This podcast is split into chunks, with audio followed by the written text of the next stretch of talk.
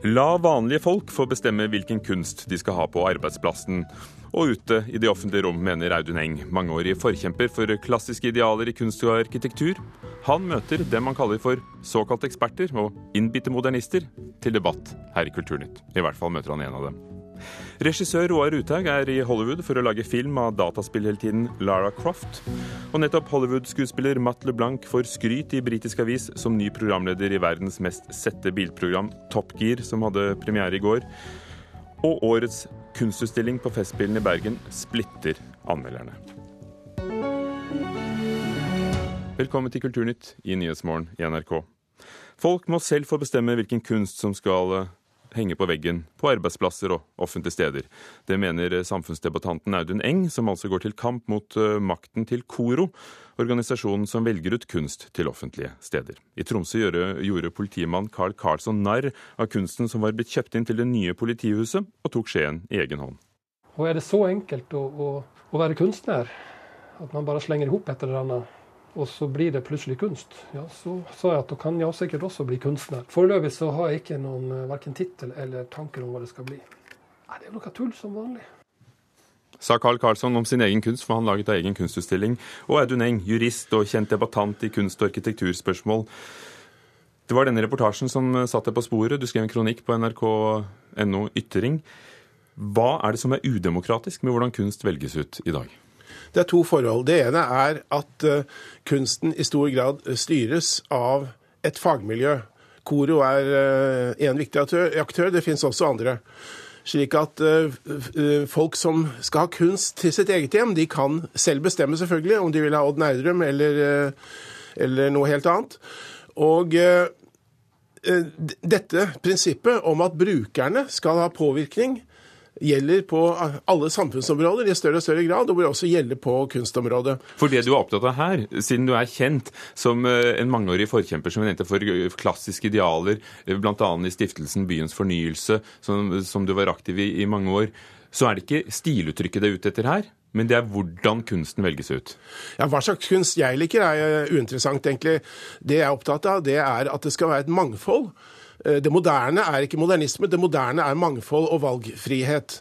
Og da trengs det to ting. Det trengs et uh, fagmiljø som er åpent og inkluderende. Og så trengs det beslutningsprosesser hvor brukerne i størst mulig grad har det siste ord i hvilken kunst de må leve med i uh, enten arbeidsmiljøet eller i det offentlige miljøet hvor de ferdes til daglig.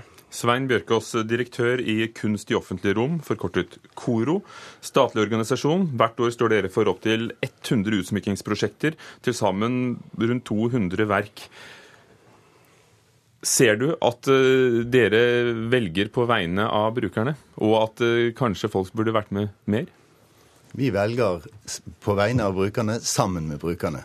Jeg er helt enig med Eng i at det må være åpne eh, og inkluderende prosesser rundt den offentlige kunsten i og utenfor husene.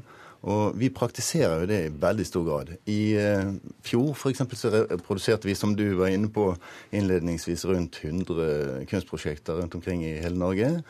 Av de så, vi, så, erfarer vi konflikter i en eller annen forstand i et veldig lite antall, forbausende lite antall, gitt eh, sakens natur. Eh, og, inne, og, grunnen til det er jo at vi har et sterkt fokus på involvering av brukerne. De er med i prosessene over lang, lang tid, og de er også med på å avgjøre hvilken kunst som skal være der. Audun Eng. Det som er mitt uh, inntrykk etter å ha jobbet med dette feltet, både arkitektur og kunst, i mange år, det er at vi har en ideologi som er sterkt fremtredende. Og Det er altså den modernistiske ideologien hvor nyskaping og forkastelse av tradisjon, romanen er død, maleriet er dødt osv., er, er det sentrale. Og Min påstand er at i Koro og i det korpset av eh, kuratorer som dere benytter, så er det en, en uh, klar overvekt av folk som støtter den uh, modernistiske linjen innen kunsten. Eh, og dette er på kollisjonskurs med flertallet av befolkningen. Hvor ser, ser, du det? Hvor ser du at det er på kollisjonskurs når vi hører at det er så få ganger det blir konflikter? Ja, Det er godt mulig det er få ganger det blir konflikter. Det tror jeg faktisk har sammenheng at folk eh, ikke eh, er vant til den tanken at de skal ha innflytelse på det som omgir dem i det offentlige rom. De vil ha styring med sitt eget hjem, men aksepterer at andre bestemmer i det offentlige rom. Og Det, det syns jeg er en feilaktig tanke, og at folk har resignert på det punktet, det, det bør man egentlig gjøre noe med. Men så sier du også, Bjørkes, at, at dere tar med folk i beslutningsprosessene. Hvordan? Eh, først vil jeg si at jeg er uenig med Eng i at eh, folk eh, feiger ut når det gjelder det offentlige rom. Det er et veldig engasjement i forhold til hva som skjer i det offentlige rom. Det ser vi jo i gjentatte tilfeller. Men det er ofte et konstruktivt engasjement. Vi har så mange forskjellige typer prosjekter i veldig forskjellige størrelser, veldig forskjellige mål. Derfor så jobber vi med mange metoder. Ulike metoder. Tradisjonelt har Koro jobbet med representativ deltakelse, altså at det er utpekt representanter for eh, de ulike involverte gruppene i hvert enkelt prosjekt i et kunstutvalg som styrer prosjektet, som også tar stilling til hvilken kunst som til syvende og sist skal være i det enkelte bygg eller på den enkelte plassen. Sånn at, eh, og, og, eh, men eh, det er også sånn at sånne kunstprosjekter de, de, går over lang tid, gjerne over flere år. Og vår erfaring er vel at jo mer brukermiljøene er involvert over tid, jo mer tilfreds blir de med det resultatet, og jo bedre resultater kommer vi frem til til slutt. Dette handler ikke bare om brukermiljøene, det handler også om at kunstnernes arbeidsmåter og sånn er mye mer inkluderende enn de har vært tidligere. Eh, sånn at det er et veldig fokus på bruk ja, ja, Og de er opptatt av, inkludering og relasjonsbygging i forhold til å ta med brukerne i eh, utformingen av prosjektet. For Audun Eng, Hvis vi ser på debatten og kampen som har oppstått etter utsmykningen eh, ved Utøya etter 22.07, det monumentet som er planlagt der. Vi husker tilbake noen år. Eh, Høgskolen i Østfold, så var det en lang debatt om en skulptur der. Folk har da ikke resignert? Nei, det er, det er, en del tilfeller hvor det er blitt uh, stor konflikt. Og det som jeg tror er situasjonen, er at uh, hele nominasjonsprosessen, hele det miljøet som dominerer, har en ensidig modernistisk fokus, slik at folk får ikke den frie valgretten. Og da hjelper det ikke at, at, de tar med seg noen brukere Nei, på veien? Blir, da. Det blir mer pedagogisk, altså pedagogisk terapeutisk, at man rett og slett gjennom en prosess aksepterer noe man i utgangspunktet ikke aksepterte. Jeg skal ta ett eksempel. Det var det kongemonumentet som Stortinget ville ha til grunnlovsjubileet. Og da ønsket de en figurativ statue av denne kongelige personen fra 1814. Og da nektet Koro å organisere konkurransen fordi de mente det var feil at Stortinget sa de ønsket en figurativ statue. Billedhoggerforeningen, som er mer inkluderende og åpen, måtte overta konkurransen. Det er et eksempel på at koret ikke engang aksepterer styringer fra vår øverste politiske myndighet. Så jeg mener at preferansene for hva slags stiluttrykk eh, man skal ha, der er folk de største ekspertene selv. Selvfølgelig skal vi ha kvalitet på de enkelte verkene, og der, der kan det komme inn kunsthistorikere. Gir vi en replikk, replikk til Koro? Ja, altså. Er det sånn at dere er snevre i deres syn på hva dere vil at folk være med på å velge? Eh, først jeg må få korrigere denne historien om eh, Christian Fredrik-monumentet. Det var noen eh, av de engasjerte kunstkonsulentene som Koro hadde utnevnt til å gjennomføre prosjektet, som trakk seg. Koro gjennomførte det prosjektet, og vi engasjerte Bildehuggeren som foreningen som sekretariat for konkurransen. Så det er ikke tilfellet, det der. Har dere et så snevert kunstsyn at folk ikke får nok å velge mellom? Vi har et veldig stort mangfold i vårt, eh, vår kunstneriske produksjon. Veldig stor. Og eh, den formen for modernisme, den form for ideologisk modernisme som eh, Eng eh, snakker om nå, den finnes nesten ikke lenger. Den, og den er i hvert fall ikke dominerende. Du er nok uenig, Audun Eng. Jeg sier takk til dere nå. Audun Eng, debattant i disse spørsmål, og Svein Bjørkås, direktør for Koro. De som vil gå i dybden, kan lese begge deres kronikker som ligger på nrk.no ytring.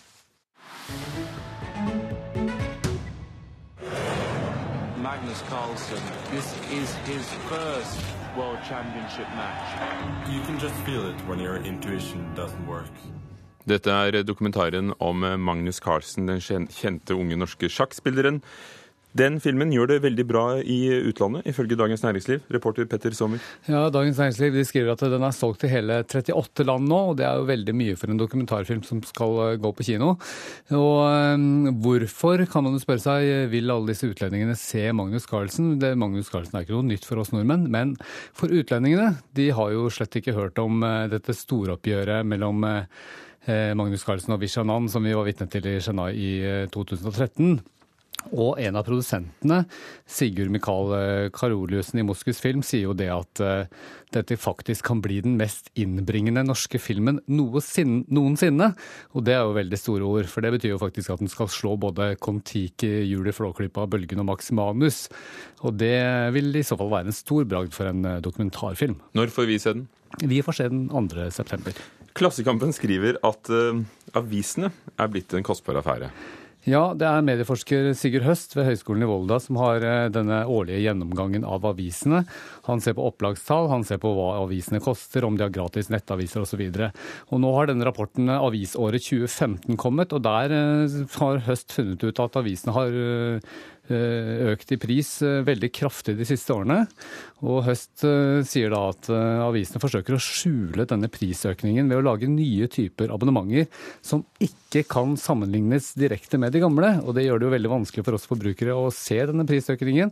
Og han sier det også at det er vanskelig Eh, for oss som har, eller for dem som da har lyst på bare papiravis, for det finnes ikke noe konkret tilbud for dem lenger.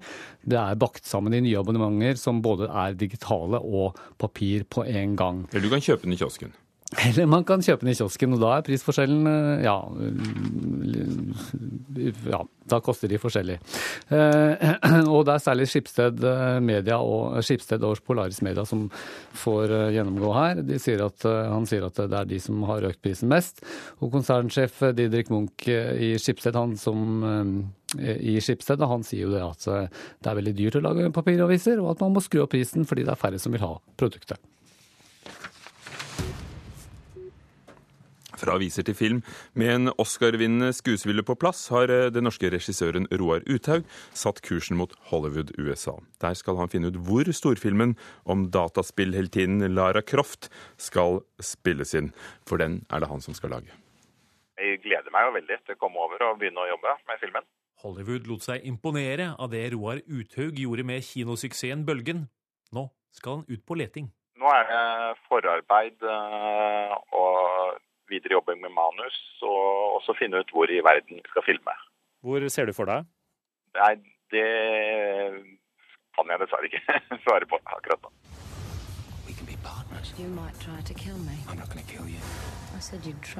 Etter to filmer tidlig på 2000-tallet med Angelina Jolie i hovedrollen, ble det nylig klart at den svenske Oscar-vinneren Alicia Vikander skal spille Lara Croft i Uthaugs film. Croft feirer i år 20 år som spillfigur, i tillegg til de to filmene med Jolie har hun som en slags kvinnelig Indiana Jones også jaktet på skjulte skatter i elleve dataspill. Siden 1993 er det laget over 50 spillefilmer basert på dataspill, viser en oversikt på Wikipedia. For mange av disse filmene basert på dataspill så um, hviler det en slags forbannelse over de, og jeg tror at uh, hovedproblemet er at uh, filmene ikke greier å matche følelsen av å spille de originale spillene. Dette igjen virker to veier, forklarer filmpolitiets Birger Vestmo. Mens de som har spilt spillene, ikke kjenner igjen følelsen, mangler de som ikke har spilt det, kjennskap til spilluniverset. Og da blir produktet som regel ganske middels. I can feel it. Dark forces are upon us. Nå forstår jeg jo at mange produsenter um, er veldig frista av å lage film basert på noe som har et innarbeida publikum fra før, for det betyr ofte klingende mynt i kassa. Men man må nok innse at eh, dataspill og film det er to forskjellige medier. Det er vel kanskje det som er en av utfordringene, er å skape en story og, og det der emosjonelle tilknytning til karakterene. Men der andre ser en forbannelse, ser Uthaug en mulighet. Jeg kjenner i hvert fall at jeg syns det er veldig spennende å jobbe med det prosjektet her og, og bringe den karakteren og det universet til filmlerretet. Så du frykter ikke forbannelsen? Nei, det gjør jeg ikke. Sa Roar Uthaug, regissør i Hollywood. Reporter var Gjermund Jappé. Innbyggere i 77 kommuner har så langt sagt nei til kommunesammenslåing. I dag skal det stemmes over nye mulige kommuner. Samferdselsministeren avviser kritikken forskere kommer med mot utbyggingsselskapet Nye Veier. Han mener de sparer oss for tid og penger. Og høyere temperaturer og bedre vær får flere flyktninger til å risikere turen over Middelhavet. Dette er hovedsaker i dag. Festspillene i Bergen er så mye mer enn eh, musikk. Det er også kunst. Og Fredrik Wærslev er årets Festspillkunstner. Han er eh, norsk kunstner i slutten av 30-årene, ganske etablert navn i norsk eh, kunstliv, og tar for seg hverdagslige gjenstander, f.eks. en markise, som samtidig ligner på et abstrakt maleri. Kunstkritiker Mona Palle Bjerke, det første som møter folk i Bergen kunsthall, er en to meter høy og 56 meter lang maleri av en solnedgang, mm. malt med eh, sånn oppmerkingsvogn som du lager veimerkinger med. Mm. Ja, vi, og det er felt inn i veggen, faktisk, på Bergen eh, kunsthall. Og han har jo da med denne oppmerkingsvognen, som er en veldig sånn nøktern og ukunstnerisk eh, fremstillingsform, også eh, valset inn denne fargen som man får med vognen, som er en veldig begrenset palett, og likevel klart å skape veldig sterkt opplevelsen av en solnedgang for alle som har vært på en langdistanseflyvning og flydd mot tiden, og hatt den opplevelsen av å være fanget i en mange timer lang solnedgang. Og solnedgang er jo mm, et favorittema i kunsthistorien. Ja, eh, både ja og nei. For vi har jo eh, vært mange som dyrker ikke sant, halvlyset, demring, skumring, solstråler bak en sky og sånne ting. Men solnedgangen den fikk liksom et lite stigma med det viktorianske sceneromantiske maleriet. Fordi man nettopp dyrket ikke sant, kronhjort i tåke og brølende elg i solnedgang. Og det ble forbundet med noe dekorativt eh, og banalt. Så da har mange kunstnere også kviet seg litt for å gripe fatt i dette denne, dette motivet. Men Edvard Munch er jo kjent for å ha skildret mange vakre, blødende solnedganger, bl.a. i sitt bilde 'Skrik', som også er hovedinspirasjonskilden til Fredrik Werslev i hans storslagne prosjekt. Aftenpostens anmelder har også sett Festspillutstillingen i Bergen kunsthall, eh, og han sier at denne solnedgangen blir dekorativ og intetsigende. Er du enig? Jeg er helt uenig. Jeg syns at tvert imot så er dette noe av det flotteste jeg har sett fra Fredrik Weislevs hånd. Er, han jo, Hans vanskelighet har jo vært at han har vært bitte lite grann forutsigbar med det jeg har kalt hans standardoppskrift, hvor han nettopp har denne spenningen som du nevnte innledningsvis, mellom eh, tri, trivia, trivielle hverdagsestetikken og eh, senmodernismen. Mens her så går han mye lenger. Det er et modig prosjekt. Han tar denne blendende, vakre hverdagserfaringen, denne eh, ladede konvensjonen, og lager den da med denne veldig nøkterne, ukunstneriske oppmerkingsvognen. Så her er det en interessant spenning, i tillegg til at det er noe nesten sånn stormannsgalskap i å skape en sånn solnedgang som fyller hele Bergen kunsthall. Men så syns jeg på en måte ikke han tør å kjøre løpet helt ut. Det er akkurat som han feiger ut i siste sving, fordi han da strør innimellom, punkterer solnedgangen sin med noen av disse ironiske hyllemaleriene som han er veldig kjent for. Vi rekker jo ikke å si så mye om dem, men de er veldig interessante i seg selv. Men jeg syns de forstyrrer fortryllelsen. Og jo da, du rekker å si det. Hva er disse hyllemaleriene? Ja, Han har altså laget eh, plater med en hylle på, og så lar han venner, andre kunstnere, male på disse, la, male bildene for seg, rett og slett. Eller sette noe på hyllen. Og de burde eh, absolutt vært vist, men de kunne vært vist i et eget rom. For jeg syns han burde la oss få lov å oppleve denne solnedgangen i hele sin velde. Det virker som han er litt redd for at vi skal oppfatte solnedgangen som et rent romantisk eh, prosjekt. Fredrik Wærslev, årets Festspillkunstner i Bergen kunsthall til 14.8. Er det en god idé? Ja, det er en knallgod idé og en stor opplevelse. Takk, Mona Palle Bjerke. Som en del av programmet under Festspillene så er det som sagt ikke bare musikk, ikke bare kunst, men også teater. Noe av dette foregår eh, et godt stykke fra Bergen, nemlig i eh, Bømlo. Bømlo teater setter opp et helt nytt Mostra-spel i Moster Amfi på Bømlo, som også ligger i Hordaland. Svein Tindberg har skrevet stykket. Broren Ivar Tindberg har regi i det amfiet som faren deres, Snorre Tindberg, tegnet i sin tid. Og tittelen er I slik ei natt det handler om da stat og kirke ble ett i Norge, og det var premiere i helgen. Karin Frøsland Nystøyle, vår teaterkritiker, du var der, og hvorfor valgte du å dra til Mosterhamn for å få med deg dette? Jeg syns jo det er interessant at Festspillene har eh, satellittscene. Altså at det skjer store ting utenfor Bergen. Store, viktige hendelser som har mye å si for kulturlivet akkurat der det skjer så syns jeg jo alltid at det er fantastisk med ny norsk dramatikk. Det har jeg alltid lyst til å dra og se. Kristkongene på Moster er jo det tradisjonelle Mostra-spelet. Har vært spilt så lenge Mostra-spelet har vært, ja, i rundt 30 år. Nå er det første gang det skrives noe helt nytt fra bunnen av. Um, og så, kanskje mest av alt, så lurer jo jeg på hvordan vi forteller historier om Olav Haraldsson, om kristenretten på Moster nå i 2016, når noe av det som de etablerte der jo er i ferd med å bli avvikla? fordi kirke og stat skiller lag, nesten i hvert fall. Ja, nesten i hvert fall. For oss som ikke kan kristenretten eh, utenat, kan du kort forklare hva det handler om? Altså Helt enkelt så har jo du allerede sagt det. Det handler jo om en forening av kirke og stat. Men det handler òg om en innføring av ganske oppsiktsvekkende lover i si tid, i 1024, som har hatt en del å si for vår grunnlov, bl.a. at man ikke kan ha mer enn én ektefelle, eh, trellene sine rettigheter og lignende ting.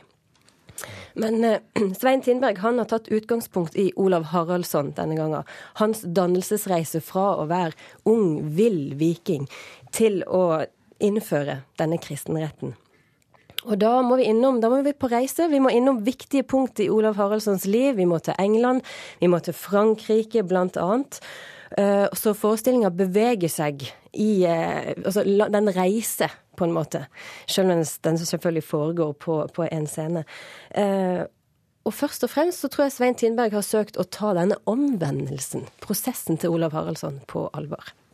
Og hvordan ser du da Tindbergs signatur i stykket? Eller kanskje de to Tindbergenes signatur, både manusforfatter og regissør? Ja, altså På manussida så, så ser jeg eh, veldig tydelig en parallell til 'Abrahams barn', som var den forestillinga Svein Tindberg har gjort stor suksess med og reist rundt i hele Norge med. Det handler om eh, religiøs dialog med å finne det de ulike religionene har felles. Det handler om menneskeverd. For eksempel da, i ei slik ei natt, så har en muslim en fremtredende rolle når det handler om fredsarbeid, blant annet. Og fremmedfrykt er jo ikke noe nytt i vår tid. Des, all den tematikken tas opp, og det er plass for anger og erkjennelse og tvil. Så det er et stykke med gråsone, og da tenker jeg det kan fungere i vår tid. I tillegg så er det et spill. Det er folkelig, det er fullt av humor. Det er, det er sånn som et spill skal være. Ja, Hva er forskjellen? Spill, teater? Det skjer jo på utenfor Amfi. Ja, men det er alltid lokal, altså lokalt forankra et spill, og det har alltid med seg frivillige og et stort apparat rundt, og det, det har det på Bømlo. Innvendinga mi er faktisk musikken som er skrevet av Kjetil Bjerkestrand. For det høres nesten ut som at det er en musikal denne gangen, og det trenger ikke et sorgespill å være. Og når fuglene kvitrer for livet for å prøve å konkurrere med å overdøve den til tider musikalaktige musikken, så tenker jeg her må man gjøre et tydeligere valg. Takk skal du ha, Karin Frøsland Nystøl, som hadde sett I slik ei natt årets Mostra-spel for Moster Amfi, en del av Festspillene i Bergen, det også. Nå noe helt annet. Vi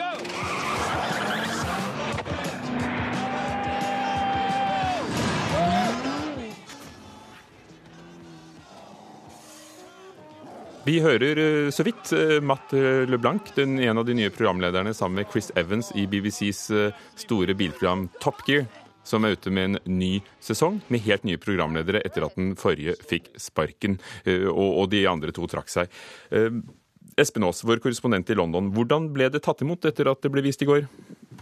Vel, nesten som, eh, som regnet med, så fikk programmet ganske så hard medfart. Både har avisanmelderne for det meste gitt dette det glatte lag. Eh, Flop gear er jo bl.a. betegnelsen i et par eh, aviser. Og på sosiale medier omtrent fra programstart i går så uttrykte Top Gear-fans hvor mye de savnet eh, Jeremy Clarkson og de to andre, og at det nye konseptet ikke var helt det de ville ha. Minn oss på hva skjedde egentlig med Jeremy Clarkson og, og gjengen hans? Ja, Dette var jo eh, flere hendelser for så vidt. Eh, Mange mente at eh, Jeremy Clarkson begynte å bli litt i største laget, hadde et litt for stort selvbilde, men det toppet seg da han etter en innspilling av et program klabbet til en kollega fordi det ikke var riktig mat på plass etter en lang dag i feltet. Dette kom jo da etter rasismebeskyldninger og et par andre hendelser også hvor han hadde oppført seg dårlig. Så sa BBC nå er nok nok.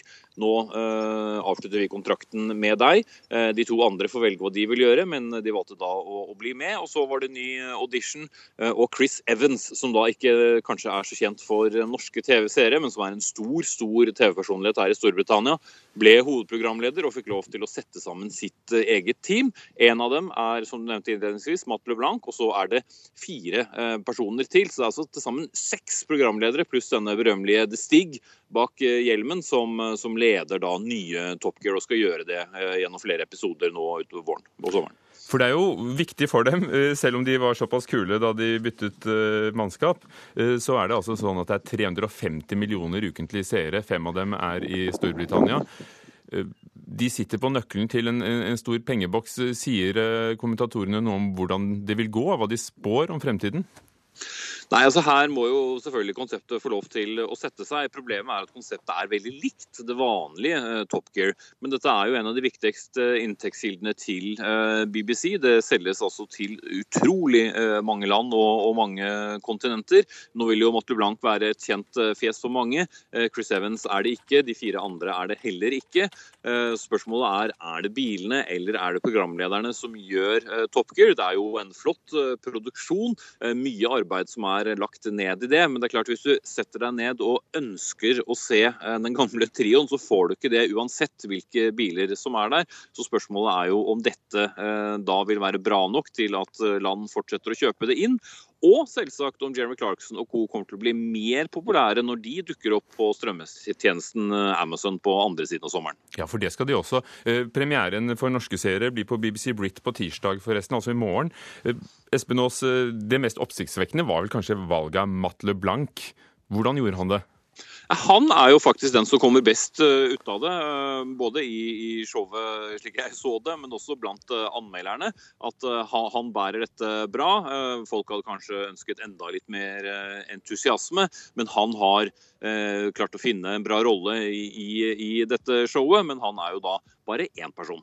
Takk skal du ha, Espen Aas, vår mann i London som har sett og lest om nye utgaven av Top Gear. Stine Traalt var produsent, Ugo Fermariello programleder for Kulturnytt, en del av Nyhetsmorgen her i NRK klokken er halv ni.